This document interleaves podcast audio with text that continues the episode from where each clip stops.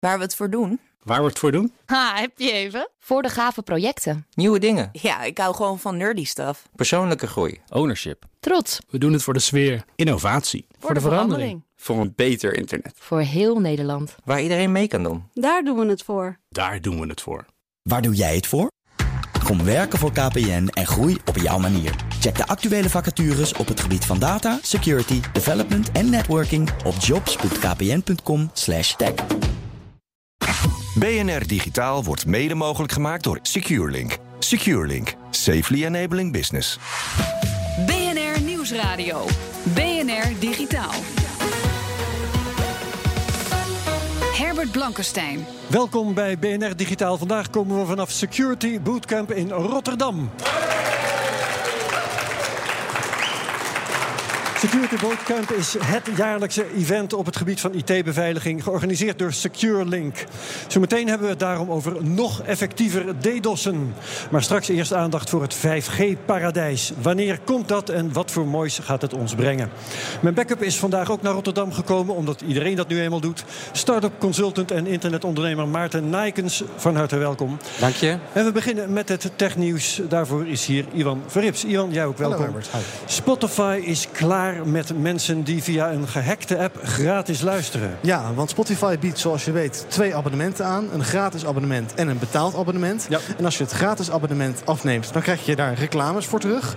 Dus die je hoort tij- tussen de muziek door. Ja. Maar je hebt ook mensen die willen en niet betalen en ook geen reclames. Nou, wat die kunnen Schandelijk. doen... Ja, nou ja, ik snap het ergens wel. Maar wat, Ja, ja. Wat, wat er dan gebeurt is, eh, zij gaan een, eh, een appje installeren. Dat heeft iemand een beetje gemanipuleerd. Is een gemanipuleerde versie van die Spotify-app. En eh, dat is vooral op Android een probleem. Want daar kan je naast apps uit de officiële Play Store ook eh, ja, apps downloaden die daar niet vandaan komen. Dus dan heb je gewoon het installatiebestandje. Kan je daar installeren. Slecht idee overigens, qua beveiliging en dergelijke. Moet je niet doen. Maar goed, dat gebeurt dus wel. En Spotify die gedoogde dat heel lang. Maar daar lijken ze nu een beetje klaar mee. Want ze hebben gebruikers die zo'n app, zo'n gemanipuleerde app gebruiken, hebben ze gemaild. Met daarbij een vriendelijk verzoek van joh, verwijder die app, installeer de officiële app. En dat doen ze trouwens vrij vriendelijk. Want ze hadden ook kunnen zeggen, je betaalt al 12 maanden niet. Dus maak nog even 120 euro over. Dus ze zijn op zich een vrij vriendelijke eh, toenadering. Ehm, overigens hebben ze ook websites die die gehackte installatiebestanden hosten. Die hebben ze gesommeerd om dat te verwijderen. En dat doen die sites ook. Denk jij dat dit te maken heeft met de voorgenomen beursgang van Spotify? Zou best wel eens heel goed kunnen. Ja, ja, ja. Oké, een volgende kwestie. Apple heeft een, ehm, mag ik zeggen, komisch probleem met het nieuwe hoofdkantoor Apple Park. Ja, eh, best wel een beetje komisch. Want dat nieuwe hoofdkantoor dat bestaat voor heel, een groot deel uit glas. Is erg mooi om te zien. Maar al een tijdje horen we berichten van medewerkers van Apple... die dan tegen glazen deuren aanlopen. Die mensen hebben natuurlijk de hele dag een telefoon in hun hand... dus die kijken ook niet voor zich. Dus die lopen tegen allerlei wanden en Ja. deuren aan. Eh, om te waarschuwen hebben medewerkers dan geeltjes op de deuren geplakt. Maar dat mocht eerst niet van de designpolitie van Apple. Dus die werden dan gelijk allemaal weer weggehaald. Het klinkt vrij triviaal, maar eh, er lijken ook wel wat ernstige... Vogelsilhouet eh, stelling, maar goed. Ja, kan ook nog. Ja. Wel een beetje klassiek misschien. Maar Ja. er lijken ook wel wat ernstige ongelukjes gebeurd te zijn. Eh, de San Francisco Chronicle heeft wat 911 gesprekjes gehoord vanuit Apple Park. Moet je even meeluisteren. So we had an individual who ran into a glass wall pane and they hit their head. They have a small cut on their head and they are bleeding, uh, slightly disoriented. Dus ja, Da- toch da- daar bellen ze 911 voor? Ja. Voor een sneetje in het Ja, hoofd? in Nederland zou je dat misschien zelf oplossen, maar in de VS bellen ze natuurlijk nog snel 911. Nou ja, eh, dus op zich hè, een sneetje in zijn hoofd. Maar goed, eh, ook wel, ja, die mensen bloeden, eh, die zijn gedesoriënteerd. Dus Ja. de vraag is een beetje, is dat gebouw al veilig? Als, als je mensen continu tegen eh, eh, glazen deuren aanlopen. Dus ik geloof dat Apple nu zelf wel briefjes aan het ophangen is. Pas op, hier is glas. Dat zal dan wel vast heel mooi gedesigned zijn, denk ik. Ik hoop het. Ook voor de mensen bij Apple. Dankjewel, Iwan. BNR Nieuwsradio. BNR Digitaal. Je kunt de techsites niet openen de afgelopen twee weken... of het gaat wel over 5G, de opvolger van 4G. Wat dacht u? Ook vorige week tijdens het Mobile World Congress in Barcelona... had iedereen het erover. Wordt dat het online paradijs op aarde? En waarom dan wel? Wat we eraan hebben en wanneer 5G op ons neerdaalt... ga ik bespreken met Richard Marijs, Technology Strategist bij T-Mobile. Hartelijk welkom. Ja, dankjewel. 5G, de opvolger van 4G. Ik neem aan dat het weer sneller wordt. Uh, Jazeker, het wordt zeker sneller. Hoeveel sneller? Uh, uiteindelijk kan het naar gigabits per seconde, maar zover zijn we nog niet. Nee, hebben we dat nodig? Gigabits per seconde? Uh, ja, die vraag wordt vandaag de dag nog steeds al aan ons gesteld. Ons Ja. netwerk is al eigenlijk al heel snel. We halen gemiddeld zo'n 75 megabit per seconde al. En ja, wat heb je daaraan aan je mobiele telefoon? Uh, Nou, dan kan je heel snel met Netflixen. Inderdaad, Spotify werkt allemaal heel snel. Uh, maar tegelijkertijd kunnen we met die heel veel snelheid en capaciteit... uiteindelijk ook mooie dingen gaan doen. Uh, we kunnen natuurlijk ook een, een, palet aan diensten gaan aanbieden... of mogelijk maken voor andere gebruikers, zakelijke gebruikers... Ja. om bijvoorbeeld te gaan differentiëren. Dus, maar, die, maar die gigabit per seconde, dat is per klant per Zou kunnen, gebruiker. Ja. Maar dan is dat het heeft vaak één wel een- persoon toch nooit nodig. Nee, dat is vaak in een, in een binnenhuisomgeving zou dat mogelijk kunnen zijn. Ja, ja. Maar wat voor mooie diensten moet ik dan aan denken? Wat jij Ja, zegt, dat ik- klinkt nou, heel dat is het, dat is het mooiste. Wij, wij zullen ze gewoon waarschijnlijk niet allemaal bedenken. Eh, maar er zijn Maar genoeg hele mooie bedrijven. Eh, het zou kunnen zijn dat je uiteindelijk gewoon met een, een virtual reality bril... eh, uiteindelijk gaat rondlopen ergens in een fabriekshal of in een kantoor. En dat daar heel veel processing power en data voor nodig is... om die omgeving te herkennen en een virtual reality stream weer terug te sturen. En daar heb je best wel veel bandbreedte voor nodig. Want je hebt wel ultra HD streams voor nodig. En daar kan natuurlijk zo'n techniek enorm veel bij helpen. Maar daar heb je andere dingen voor nodig. Dan heb je enorm lage latency. Hè? De vertragingstijd is dan ook heel belangrijk. En kan 5G dat ook bieden? En dat zijn dingen waar dan 5G inderdaad een hele erg goede rol in kan spelen. En daar heb je allereerst heel veel eh, capaciteit voor nodig. Om dan bijvoorbeeld bepaalde datastromen met eh, een enorme korte vertragingstijd eh, bijvoorbeeld te kunnen afleveren. Voor virtual reality zou dat heel interessant kunnen zijn. Maar denk bijvoorbeeld, het is misschien iets visionair, maar zelfrijdende auto's. Ja, daar kunnen zijn dat er ingrepen of informatie nodig is die binnen millisecondes daar moet zijn. Eh, en gegarandeerd, ja, dat is wel waar je natuurlijk heel veel capaciteit voor nodig hebt. Eh, niet zozeer omdat het veel data vraagt, maar om er zeker van te zijn dat dat binnen enkele milliseconden daar terecht kan Ja, komen. ja. Maar het, het, eh, dagelijkse gebruik, laten we zeggen, het, het browsen langs nieuwsites op je smartphone, dat gaat dus niet veranderen. Nee, of wel? het gaat alleen heel sneller zijn. Maar ja, je weet het nooit. Voor hetzelfde geld komt er weer een, een nieuwe app, een nieuwe oplossing. Een nieuwe Uber, een nieuwe Netflix om de hoek kijken... die weer nog iets moois heeft. Wij, kunnen het, wij zullen het waarschijnlijk niet verzinnen. Maar ja, Nee, dat gaat is- eraan komen, zeker. De techniek maakt het mogelijk straks. Aan, aan jouw gezicht eh, zie ik dat, dat je denkt, ehm, als we straks over vijf jaar, eh, intussen misschien drie jaar bezig zijn met 5G, dan vragen we ons af hoe we ooit zonder hebben gekund. Ja, ja, ja. Nou, als ik nu bijvoorbeeld terugkijk aan mijn, aan mijn tijd... dat we nog allemaal met een echt een gsm'tje, tweede generatie gsm rondliepen. Toen dachten we ook nooit van... ik ga toch niet mijn muziek live streamen? Überhaupt niet downloaden. Dat doe ik eh, via mijn vaste internetverbinding. En dan zet ik op een geheugenstickje en dan speel ik het af. Vandaag de dag, nou ja, Spotify. eh, we luisteren allemaal gewoon streaming radio alsof het niks en we is. vinden het normaal. Ja. Hey, ehm, maar er komen natuurlijk altijd weer eh, onverwachte flessenhalzen tevoorschijn. Ehm, een voorbeeld is de frequentieband waar 5G op moet gaan opereren. Ik begrijp, er zijn drie frequentiebanden.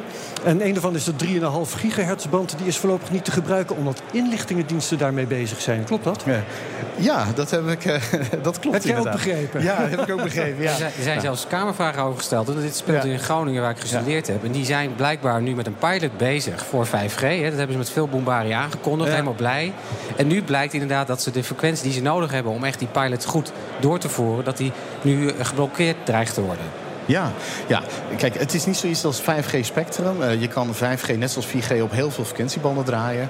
Maar wil je echt veel en hoge snelheid en veel capaciteit hebben... dan heb je bandbreedte nodig in, in, in het spectrum, inderdaad. En daar is 3,5 gigahertz band een ultieme band... voor die in Europa eigenlijk als mainstream band is Want die heeft aangewezen geloof ik de 5G. beste combinatie van bandbreedte en bereik. En hè? bereik, ja, is, die, ja. zijn, die twee werken elkaar een beetje tegen. Veel bandbreedte betekent vaak wat minder bereik. Eh, Ja, helemaal En precies. 3,5 Het is- G, 3,5 gigahertz is het beste. Het is een mooie combinatie daarvan, waar je inderdaad eh, eh, hon- honderden megabits per seconde aan de dat het probleem waar we het nu over hebben, speelt vooral in Groningen. Klopt Nee, in principe speelt dat voornamelijk door heel Nederland. Nou, boven de rivieren begreep ik. toch? Boven de Eh, rivier. een Nou, beetje- onder, de, onder de rivieren ook. Eh, dan mag je bijvoorbeeld niet eh, met, een, eh, met een 5G BTS eh, richting eh, het noorden kijken. Maar ik vind het wel mooi fijn dat jij ons vertelt dat het probleem eigenlijk overal speelt. Dus, nou ja, het betekent dat het door heel Nederland eigenlijk niet gewoon goed bruikbaar is. Daar komt het Ja. gewoon op neer. Ja, ja, ja. je zou het binnenshuis wel kunnen gebruiken in een, in een bedrijfsomgeving, binnenruimte. Nou, met handen en voeten misschien buiten. Maar ja, momenteel zijn er ook vergunningen al uitgegeven op, 5, op die 3,5 gigahertz band. Maar het pro- probleem is blijkbaar dat, dat eh, inlichtingendiensten daarmee bezig zijn. Ehm, kunnen jullie daar, zijn jullie bezig dat te verhelpen? Om ze daar weg te krijgen? Eh, daar, daar, daar zijn we in een constructief dialoog inderdaad, eh, Oh ja. met de overheid inderdaad. om van ja, hoe kunnen we daar nou een mouw aan passen? Dat mocht er de, de, bijvoorbeeld de, de overheid of de inlichtingendienst daar een probleem van ondervinden. Dat wij bijvoorbeeld eventjes een stapje terug kunnen doen in vermogen bijvoorbeeld. Dat ze daar geen last van hebben. Want het speelt eigenlijk alleen maar in bepaalde weersomstandigheden dat, ja, dat ze dan niet zo ver kunnen kijken met die mooie schotel daar. En dat willen ze wel graag blijven doen. Of ze moeten de dingen een keer gaan verplaatsen. Maar ja, daar wordt hard aan gewerkt achter de schermen. Ja, dat okay. geloof ik graag. Nou, als zo'n technologie doorbreekt, 5G dus... Um, dan heb je vaak toch wel andere flessenhalzen. Noem eens wat, de processorkracht in je mobieltje... of de, de, de, eh, bandbreedte van de websites die je wilt gebruiken... of de andere bronnen van data waar het dan om gaat. Ja. Hoe, hoe gaat die hele ketting er straks uitzien? Wat moet er nog meer veranderen, behalve dat 5G? Ja, de 5G is inderdaad alleen het radionetwerk waar we het nu voornamelijk over hebben. De ketting is zo sterk als de zwakste schakel. Ja, ja, ja, straks wel. En dan betekent ook dat onze wij noemen dat een core-netwerk eigenlijk. Uh, waar eigenlijk de rekenkracht uh, plaatsvindt, maar ook uh, waar alle diensten gemaakt worden. Die moeten ook allemaal mee evalueren, zodat ze de diensten makkelijk, flexibel en dynamisch kunnen aanbieden. Ja. Maar er zit ook een enorme bottleneck in, in tussen bijvoorbeeld een Amsterdam Internet Exchange en een site ergens op Ameland. Ja, en daar zijn wij eigenlijk al sinds jaren dag mee bezig om overal glasvezels naartoe te trekken. Dus eh, we proberen naar elke radiolocatie die wij in Nederland hebben glas te trekken. En niet eentje. Wij proberen dat echt met twee kanten te doen. Echt van links naar het gebouw, rechts van het gebouw weg. Dus ook, uh, wij noemen dat redundante glasvezels. Zodat wij ja, de, de, de behoefte naar mobiel is, is, is veranderd van nice to have naar need to have. Dus het is heel belangrijk dat die verbindingen in stand blijven. Ook als er gegraven wordt in Nederland. Of dat rijpalen, en dat gebeurt nog alles. En zijn de, dus... de verschillende eh, telecombedrijven in Nederland... zijn die samen zo'n netwerk 5G aan het aanleggen? Of zijn jullie weer in een concurrentiestrijd verwikkeld? Wie is het eerst klaar? Ja, altijd. Altijd, ja. Uiteraard worden er wel eens her en der masten gedeeld. Hè? Maar dan is het gewoon één bouwt de mast en de ander mag erbij in. En ja, die vraagt daar huur voor. Zo is het gewoon, heel makkelijk. Dus dat, dat, dat is wel goed. Maar de, de glasvezelverbinding en de apparatuur wordt uh, zeker niet gedeeld. En weten jullie zeker dat jullie het allemaal kunnen terugverdienen? Want je moet ja, vreselijk veel investeren. En je weet nog niet precies uh, wat er straks tegenover staat. Ja, nee, dat is altijd een vraag. Ja, dat is heel moeilijk. Ja, maar ja, de wereld draait door. En uh, we moeten gewoon doorgaan. En de behoefte naar bon data, mobiele data blijft stijgen, enorm. Ook uh, mede dankzij natuurlijk de proposities als unlimited internet. Maar er komt meer bij, meer bij kijken. Oké, okay, hartelijk dank. Richard Marijs van T-Mobile. Duur, duurder, duurst als je wilt, kan je met gemak 1000 euro uitgeven voor een smartphone. Maar een dumbphone, die heb je al vanaf 5 dollar. Dat hoor je straks. BNR Nieuwsradio. BNR Digitaal. Waarom zou je 1000 euro uitgeven aan een nieuwe telefoon als het ook kan voor een half procent van dat bedrag? Louis Hilzenteger van Unbox Therapy pakte een telefoon van 5 dollar uit. Je hoort het goed, 5 dollar. Ivan Verrips bekeek de uitpakvideo. I have what is the cheapest phone that I've ever looked at, by far, by a long shot. No, it's not a smartphone, as you can tell looking at the picture here. The Viva V1, made in India. Wat koop je nou voor 5 dollar? Een luxe koffie, een rijkelijk belegd broodje... of één uur parkeren in het centrum van Rotterdam? Of de Viva V1. A monochrome display, torchlight phone book, FM radio, SMS, and 650 milliamp hour battery. How much would you pay for something like that? This is $5. It's a real thing. You can go out and buy this right now. Qua uiterlijk doet het toestel een beetje denken aan een Nokia van een jaar of, uh, nou, 10, 12 geleden. And there is the device. What a throwback that is. A number pad, as well as the old school T9 style texting, call and hang up, earpiece up top, monochrome display. On the top, there's a flashlight. Wouldn't expect to see that in a $5 phone. A headphone jack. Oh my goodness. Even a $5 phone has a headphone jack. Oké, okay, tijd om het ding voor het eerst aan te zetten. There's a calculator built in. 6 plus 6 equals 12. There you go. Games, there's actually... Oh, it has Snake. And only Snake. okay. I'm having some nostalgic feelings right here. We have messages. There's a phone book. Let's try the different ringtones. Piercing. My favorite is number two. Maar eh, even hoor, een telefoon voor 5 dollar Hoe zit dat? Well, you kind of have to adjust your mindset, a global perspective on this. It's made in India, first of all, so it's made in the domestic market and sold to domestic customers. This may be their very first point of connectivity. So this is going to put a phone in the hands of a lot of individuals who maybe never had a phone before. Deze dumbphone met een smartphone vergelijken zou niet eerlijk zijn. Maar toch. Pixel 2 XL, Viva V1. $850? $5. How many of these could you get for one of those? 170. Now, obviously, I'm not comparing the two. That wouldn't be fair. That's not fair at all. But 170 people with a connection, with some form of connection to the rest of the planet, or just one fancy boy with his fancy smartphone. Tijd voor het oordeel. The thing I like about dumb phones in general, their functionality is basic. So generally, what you end up with, something that can turn into a good emergency phone, is if this thing is five bucks, then what does that mean for smartphones and connectivity on that front? That price keeps coming down as well, and so accessibility goes up. The more we can create and distribute ideas. $5 phone, it's not something I thought I would see. Technology, it keeps pushing, and I like that. Viva V1, it's a thing, it's real. You can buy this. Een telefoon voor 5 dollar. Zonder 5G-ondersteuning, maar met allerlei nostalgische gevoelens. De eerste kennismaking met connectiviteit voor mensen in India. Het hele filmpje van Louis Hilsen Tager van Unbox Therapy vind je na deze uitzending op bnr.nl/slash digitaal. BNR Nieuwsradio. Herbert Blankenstein. Je herinnert je nog wel de DDoS-aanvallen op banken een paar weken geleden. Er is een nieuwe methode voor zo'n DDoS-aanval. En die is tot zo'n 50.000 keer krachtiger dan voorheen. Hoe dat werkt en wat je er tegen kan doen, ga ik bespreken met Thomas Renes, security engineer bij Guardian 360. Hartelijk welkom. Dankjewel. Hey, uh, het wordt een beetje technisch. Uh, we gaan proberen het begrijpelijk te houden. Uh, het komt er, als ik het goed begrijp, op neer dat door een fout in duizenden servers kwaadwillenden kunnen gebruik maken van een programmaatje dat op die servers draait. Memcache zou dat heten. Wat doet dat programma? dat programma dat is, dat wordt gebruikt voor caching doeleinden. dat wil zeggen dat als je een website hebt en plaatjes of andere bestanden erop, die worden heel vaak ingeladen. En dan kan die, kunnen die met Memcache in het geheugen geladen worden. En daardoor kunnen die sneller gepresenteerd worden aan de altijd bij de gebruiker. Klopt. Ja. ja um, en hoe kan je dat dan misbruiken? Wat is de truc daar?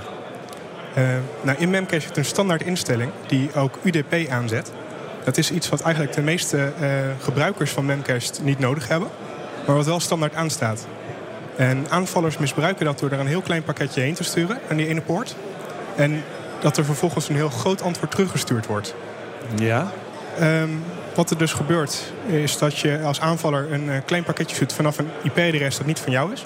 Dus je doet alsof je een ander IP-adres bent. En dat doe je naar duizenden servers wereldwijd. En al die Memcache-servers sturen tegelijkertijd een heel groot pakketje terug naar die ene server die jij nadoet. Uh, waardoor die server onderuit gaat. Ja, waar is die, zit die factor 50.000? Is dat het verschil tussen uh, dat kleine pakketje dat je stuurt en dat grote wat terugkomt? Het is niet zozeer dat die 50.000 keer uh, sterker is, die aanval. Ja. Het is meer dat je een pakketje stuurt. En dat pakketje, dat antwoord wat terugkomt, dat is 50.000 keer groter dan het pakketje dat jij stuurde daarheen. Um, dus okay. je hebt eigenlijk maar heel weinig bandbreedte nodig om al die servers uh, te benaderen allemaal. Ja. Terwijl er heel veel uh, data teruggestuurd wordt door al die servers. Ja. En uh, werkt dit speciaal op servers? Of kan het ook bijvoorbeeld werken bij Internet of Things apparaten? De camera's en de printers en noem maar op. Um, deze methode kun je eigenlijk gebruiken bij alles wat aan het internet hangt. Dus alles wat een IP-adres ja. heeft, zou je in principe op deze manier kunnen aanvallen. Kan allemaal op die manier misbruikt worden. En gebeurt dat ook al? Uh, ja, dat gebeurt. Uh, vorige week hebben we een hele grote aanval gezien op deze manier op github.com. De, uh, site, de open source site waar iedereen zijn software neerzet klopt, voor ja. anderen om te downloaden. Klopt, ja, veel ontwikkelaars gebruiken die website om een open source project op te zetten. Ja. En ook een aantal commerciële partijen hebben daar een, maken daar gebruik van. Ja, Maarten Nijkers, mijn backup, loopt het jou al dun door de broek als je dit hoort? Nou ja, ik zit wel een beetje moedeloos te kijken. Ja, want ik denk, zo'n GitHub bijvoorbeeld heeft natuurlijk niet de middelen zoals een grote bank dat wel zou moeten hebben om dit soort dingen constant op, uh, ja, ja, op te pakken en uh, aan te pakken. En daar maak ik me zo zorgen over. Het, wordt elke keer, een soort water, wapenwetloop die is ontstaan. Hoe, hoe gaat het kleinbedrijf en het MKB hier nog mee om? Hè? Dat, dat de grote corporates hier nog wat mee kunnen. Of het zouden moeten kunnen oplossen, dat zie ik wel. Maar hoe gaan kleine bedrijven hiermee om? Of dit soort open source instanties? Wat kunnen ze doen? GitHub is hierin wel een goed voorbeeld. Want die hebben eigenlijk in een paar minuten deze aanval af kunnen slaan. Ja, maar dit, de GitHub vind ik inderdaad... Dat, dat zijn diehard programmeerders. Die, die, die kunnen dit heel snel ook zelf met hun community oppakken. Maar uh, gewoon een, een, social enterprise in Amsterdam... Uh, die wat goeds voor de wereld probeert te doen... die hier op deze manier wordt afgeperst bijvoorbeeld. Wat kunnen zij nog doen? Um, ja, eigenlijk uh, kan je er zelf weinig aan doen. Het, ja, het enige om DDoS echt goed af te kunnen slaan... is het hebben van heel veel capaciteit en heel veel dure filterapparatuur als het ware. Maar als je als, als bedrijf bijvoorbeeld bij uh, AWS zit, bij Amazon... Uh, ben je dan beter beschermd dan wanneer je je eigen servertje in de kelder hebt staan? Um, ja, dat ben je zeker. Dat dan wel. het heeft ja. ermee te maken dat Amazon, AWS, de leverancier van AWS... dat die eigenlijk zoveel capaciteit heeft. Een hele dure apparatuur. Dat ze die aanval beter af kunnen slaan dan ja. jouw eigen internetprovider. Maar leg eens uit hoe GitHub die, de, die zelf die aanval heeft kunnen afslaan. Hoe hebben ze dat gedaan? Is het technisch hier uit te leggen? Ja, dat is eigenlijk wel, minuten? ja, dat is wel uit te leggen. Uh, GitHub maakt gebruik van een hele hoop verschillende internetproviders over de hele wereld om overal snel bereikbaar te kunnen zijn. Uh, wat er op dit moment door de aanval gebeurde is dat al die internetverbindingen die raakten vol van al dat vele dataverkeer dat op hen afkwam.